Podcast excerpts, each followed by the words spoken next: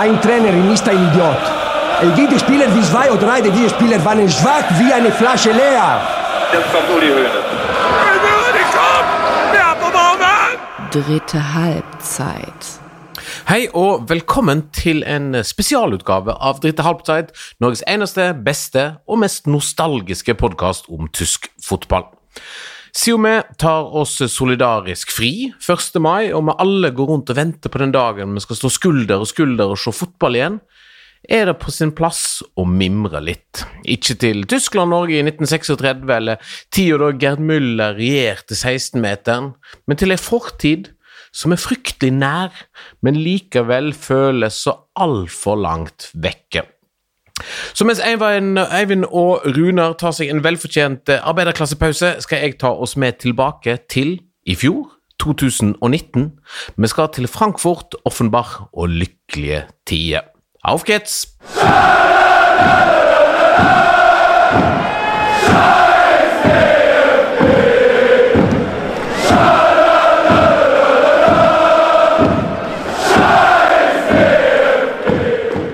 Syngende betongtribuner, en levende ørn, begeistra øldusjing og museum drevet av fans. Tyskland byr på Europas beste fotballturisme. Hvor drar du for å se fotball i 2019? Nordmenn velger jo ofte glamorøse Premier League og England, men med sine stive billettpriser og striglede stadionopplevelser, så er det virkelig på tide å rette blikket dypt inn i Europa. Da vi dro på tur, valgte vi oss ei vårhelg i delstaten Hessen for å oppleve fotball sånn slik det er ment å være, som Bundesligas eget motto lyder. 14. april 2019. Bankmetropolen Frankfurt forvandler seg til en dirrende fotballby, slik han alltid gjør når byens stolthet, Sportgemeinde Eintracht, har hjemmekamp. Borte er de blå finansskjortene, overalt er svarte og hvite drakter med en rød ørn på brystet. Vi har først hoppa av S-banen på stoppet før stadion, for mellom de anonyme boligblokkene i byens utkant fins et sagnomsust veggmaleri av, klubb, av klubblegenden Tony Jeboa. Over ansiktet hans lyser budskapet mot oss. Vi skammer oss på vegne av alle som skriker mot oss. Sitatet stammer fra et åpent brev Jeboa og eh, to andre svarte spillere skrev til tysk offentlighet i frustrasjon over apelyder og banankasting på banen. I 1992-93-sesongen ble Jeboa den første mørkhuda toppskåreren i Bundesliga, og maleriet er ikke bare en mektig hyllest til en historisk spiller, men òg et gripende antirasistisk monument for samtida. Vi har sett bilder av det mange ganger og kjenner historien bak, men når vi står her som miniatyrfigurer og skuer opp mot det ruvende kunstverket, reiser gåsehuden seg likevel. Fotballturismefaglig gir vi Jeboaveggen et klokkeklart terningkast seks og retter de norske nasene våre mot stadion. Det er ikke tilfeldig at Eintracht Stadion, som offisielt bærer sponsornavnet Commerzbank Arena, blir kalt for Waldstadion, skogstadion. På veien der tråkker vi oss gjennom byskogens stier. Stille før stormen-effekten er slående da en stor og moderne arena åpenbarer seg bak trekroner og ivrig fuglekvitter. Vi føler oss brått andektig små i en grå bysetting, setting brakt til live av fargesprakende Eintracht-graffiti. Ingenting lukter kampdag som osen fra pølsegrill og frityrgryte. Blant sultne og ikke minst tørste fans rundt salgsbodene treffer vi nordmannen Roy Vageskar. Han hadde sesongkort da han studerte i området på tidlig 2000-tall. Nå er han tilbake for å gjenoppleve atmosfæren. Engelskmennene er gode på stemningen før kamp, men det er ingen som slår tyskerne og Eintracht Frankfurt når det kommer til livet på tribunen, slår sunnmøringen, som òg er ihuga Manchester United-supporter, fast. Flere nordmenn er òg godt kjent med stemningen på Wald stadion, blant andre Jørn Andersen og Jan Åge Fjørtoft. Begge sikrer seg legendestatus, Andersen gjennom å bli tidenes første utenlandske toppskårer i Bundesliga, og Fjørtoft ved å redde klubben fra nedrykk seks minutter på overtid. Det er bare å se at du er norsk her, så tenker folk på Fjørtoft og vil spandere øl, smile vageskar, men som beveger seg smidig som en stadionveteran gjennom folkemengden. Vi kjenner litt på misunnelsen da vi går forbi Nordvestkurve, svingen som er ståtribune for nærmere 10 000 fanatiske fans, og episentrum for den kraftfulle stemningen Eintracht Frankfurt-fansen er blitt kjent for. Ståtribunene i Tyskland er ikke nostalgiske etterlevninger fra gamle dager eller koselige kulisser hos breddeklubber, men en essensiell del av det moderne tribunelivet. Sjøl de nyeste og dyreste anleggene har billige ståplasser på betongtribuner, en praksis fotballnostalgikere gjerne forbinder med England på 70- og 80-tallet. Skilt med 'fotoverbåt' taler for seg. Her er du hjertelig velkommen til å støtte laget som en del eh, av en vegg av flagg og lyd, men ikke til å behandle ståtribunen som en turistattraksjon. Skummelt? Nei, egentlig ikke. Så lenge en er utstyrt med sosiale antenner, er det like trygt, trygt som sofaen hjemme. På hjemmebane, både meg og um, Runar jo, bor jo i andre tyske byer. Har med sesongkort i uh, svingen i Bochum og Berlin, og kan varmt anbefale å oppleve en kamp stående, gyngende og syngende, eventuelt nynnende i en buldrende lydfoss. Men la ullfrakken bli i skapet, for når heimelaget skårer, da må du belage deg på en klissete birdusje. Denise, en svært, svært, aktiv supporter som følger laget både hjemme og borte, nøler ikke når vi spør om det beste om å leve så tett på klubben. Samholdet i svingen. Hun vil ikke ha etternavnet sitt eh, på trykk, men forteller levende om det sterke tribunefellesskapet, der alder, kjønn og bakgrunn er irrelevant. Hun er òg opptatt av det tette båndet mellom ledelsen og vanlige fans. Særlig den eksentriske klubbpresidenten Petter Fischer er kjent for å tale supporternes sak i fotballpolitiske spørsmål. Tyske klubber er medlemseid, og regelverket, som alle våre lyttere sikkert kjenner som 50 pluss 1-regelen, forbyr investorer å eie mer enn 49% av aksjene. Hensikten er at medlemmene sjøl skal eie og bestemme over klubben sin. Dette er grunnen til at en folkets mann som Fischer kan trone øverst i hierarkiet til en klubb av Eintracht Frankfurts størrelse i den kommersialiserte fotballverdenen anno 2019. Denise forteller oss at Fischer tok til tårene da fansen sang bursdagssangen for ham på Piazza del Duoma i Milano, der 20 000 fans hadde reist for å støtte bortelaget Eintracht Frankfurt under Europaliga-oppgjøret mot Inter i mars 2019. Men Waldstadion, det er stua vår, sier hun og ønsker oss god kamp. Enhver fotballklubb med respekt for seg sjøl har en hymne til kampstart. Eintracht har sågar to.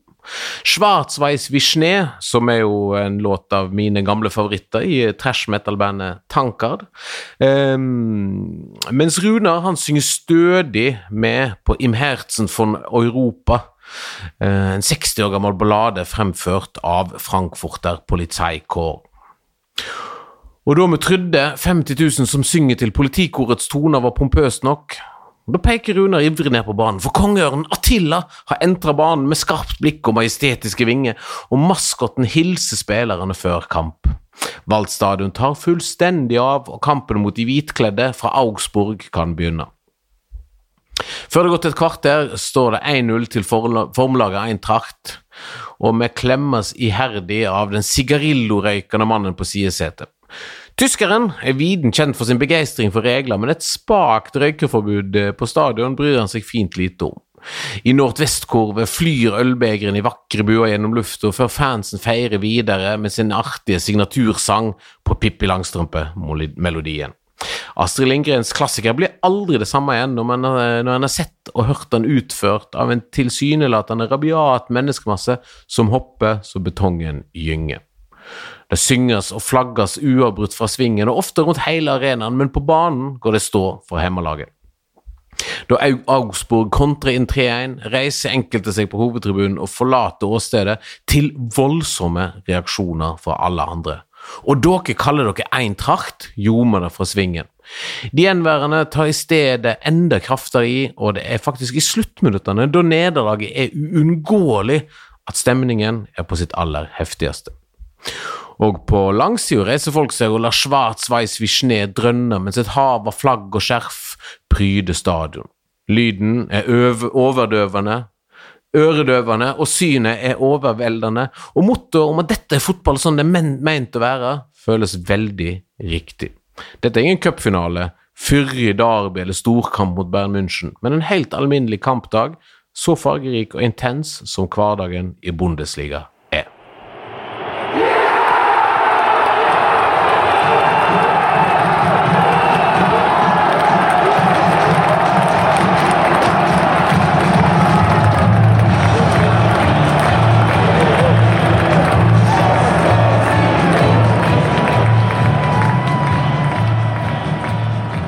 Et av kjennetegnene til tysk fotball er at det òg kan koke langt nedover i divisjonene.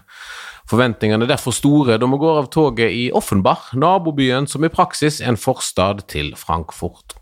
Vi rusler mot Kickers Offenbachs hjem heimebane. Tungeøvelsen Sparda Bank Hessen Stadion am Biberer Berg. Men de døsige småbygatene avslører ikke at vi senere skal se et av de største oppgjørene i tysk fjerdedivisjon, regionalliga. Halvveis til stadion ser vi et skilt i rødt, hvit, rødt og hvitt, og treffer en gjeng ikledd i hjemmelagets farger. Velkommen, museet der inne, kaffe er på huset, ta bilde og gjør hva dere vil. Sier en jovial, men hektisk opptatt mann da vi entrer forgården til Kickers Offenbach fanmuseum. Han heter Torsten Franke og er en av museets ildsjeler. Vi er Europas eneste privatdrevne fanmuseum, og driften finansierer vi bl.a. gjennom salg av øl og pølser før kamp. Sammen med andre Kickers-entusiaster fyrer Torsten opp grillen, henter øl og setter fram hestens-spesialiteten Ebbelvoy, eplevin som serveres i sure og søte varianter så vel som blanda med Coca-Cola. Mens de organiserer, går vi på museumsvandring. Det lille, tette, flotte museet er fylt av gjenstander fra en fargerik klubbhistorie. Et håndsydd flagg fra tiårsjubileet i 1911, vimpler fra klubbbesøk i Venezuela og Japan, gamle flomlyskastere og juvelen i krona, en tro, tro kopi av lagets eneste ordentlige trofé, pokalen for tysk cupseier i 1970. Det ene rommet er mer forseggjort enn det andre, og som gode nordmenn blir vi nesten rørt av dugnadsånden som har gjort dette mulig. Klubbens største triumf, cupgullet, ble etterfulgt av nedrykk, konkurser og korrupsjon. Dagens supportere virker derfor immune mot stress. Skuffelser er de vant til. Mellom pølsegrillen og ølsalget treffer vi Mikael Gluck. Han smiler bredt over den karakteristiske dongerivesten De Cotte, den tyske fotballuniformen så full av sypåmerker at fansen kan forveksles med heavy metal-entusiaster fra 1986. Jeg har hatt sesongkort siden 1973, sier han og peker på et tøymerke som sier det samme. Det betyr at eh, Michael òg var på plass 13. mai 1999, på kampen som blir omtalt som Slaget ved Biberer Berg, eller bare Das Vatertagsspiel. Ja, huff, farsdagskampen. Hele veien herfra til stadion var rene krigssone og mimre glykk og rister på hodet. I Tyskland betyr farsdag nemlig at eh, menn samles i parker for å drikke enorme mengder øl fra medbrakte trillevogner. Derbyet mot Walthoff Mannheim denne dagen, i 1999, endte med slåssing, brannstiftelse og hærverk, og til slutt måtte politiet spyle urostifterne av gata med vannkanoner. Siden den gang har det klokelig nok vært forbudt å arrangere fotballkamp på Fatersdag. Og i dag står Waldhof Mannheim på motsatt banehalvdel, men få forventer nye voldsscener. Til tross for et tiltagende problem med nynazister, annet blant fans av tidligere østtyske lag, og enkelte stridigheter mellom fangrupperinger, har ikke tysk fotball et utpreget voldsproblem.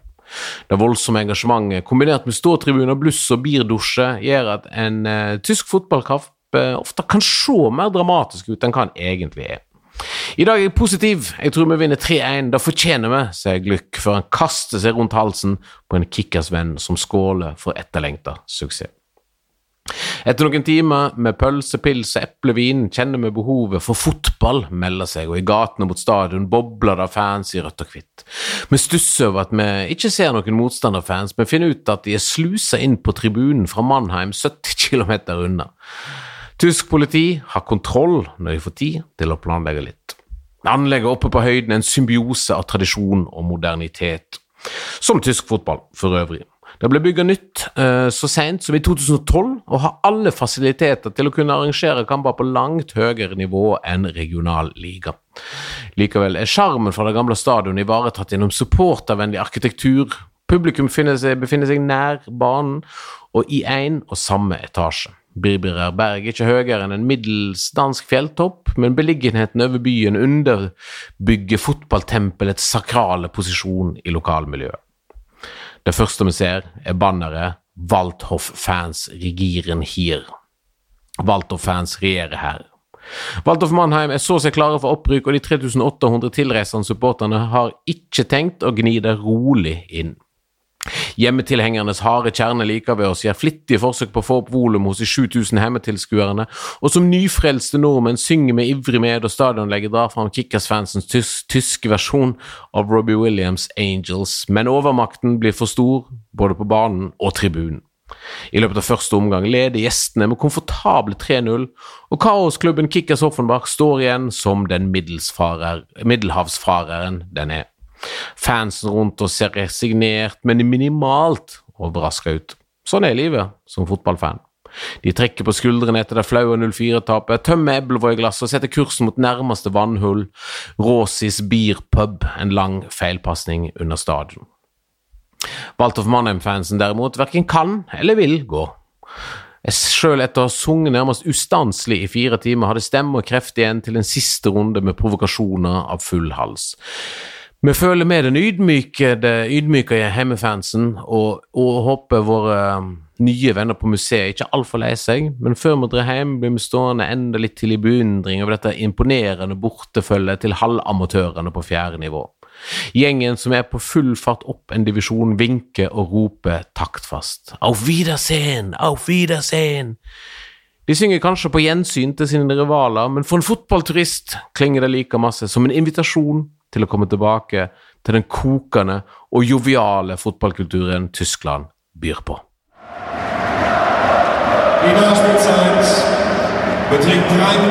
Tusen takk for meg, ehm, folkens. Jeg håper ehm, dere satte pris på dette lille minnet fra vår eh, Frankfurt- og Offenbach-tur eh, i april eh, i fjor. Hvis dere kjente igjen historien, så er det fordi at dette er artikkelen som Rune og jeg skrev for uh, A-magasinet, uh, Aftenpostens um, helgemagasin, etter vi hadde vært på, på turen. Vi håper jo å få skrive flere sånne artikler. Vi håper å få stå side ved side, hive birdusje, klemme på fremmede menn og kvinner og kose oss på fotballkamp uh, igjen. Vi vet ikke når det skjer, vi vet bare at det skjer, og vi ser fram til det. Dritte Halbside er tilbake i neste uke, da òg med Eivind og Runar i studio. Til da, auf Wiederhören.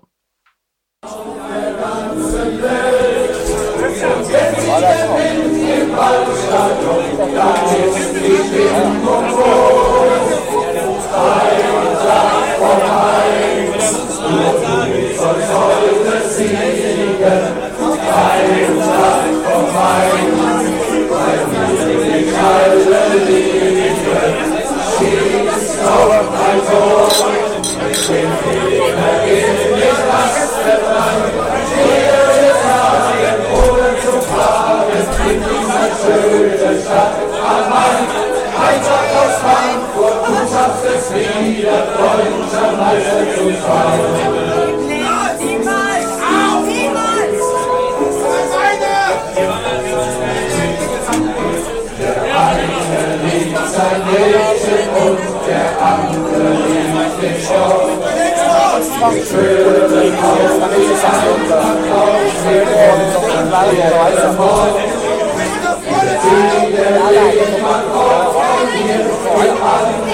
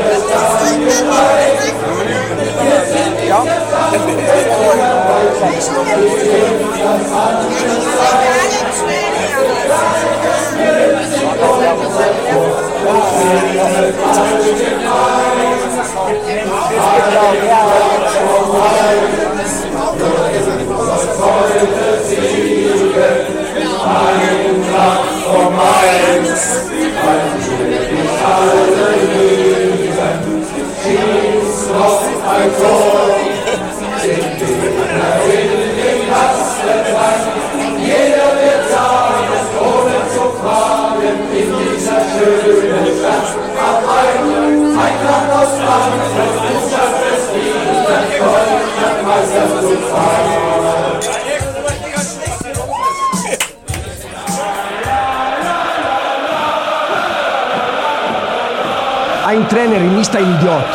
Es gibt Spieler wie zwei oder drei, diese Spieler waren schwach wie eine Flasche leer. Jetzt kommt Uli Hoeneß. Dritte Halbzeit. Moderne Media.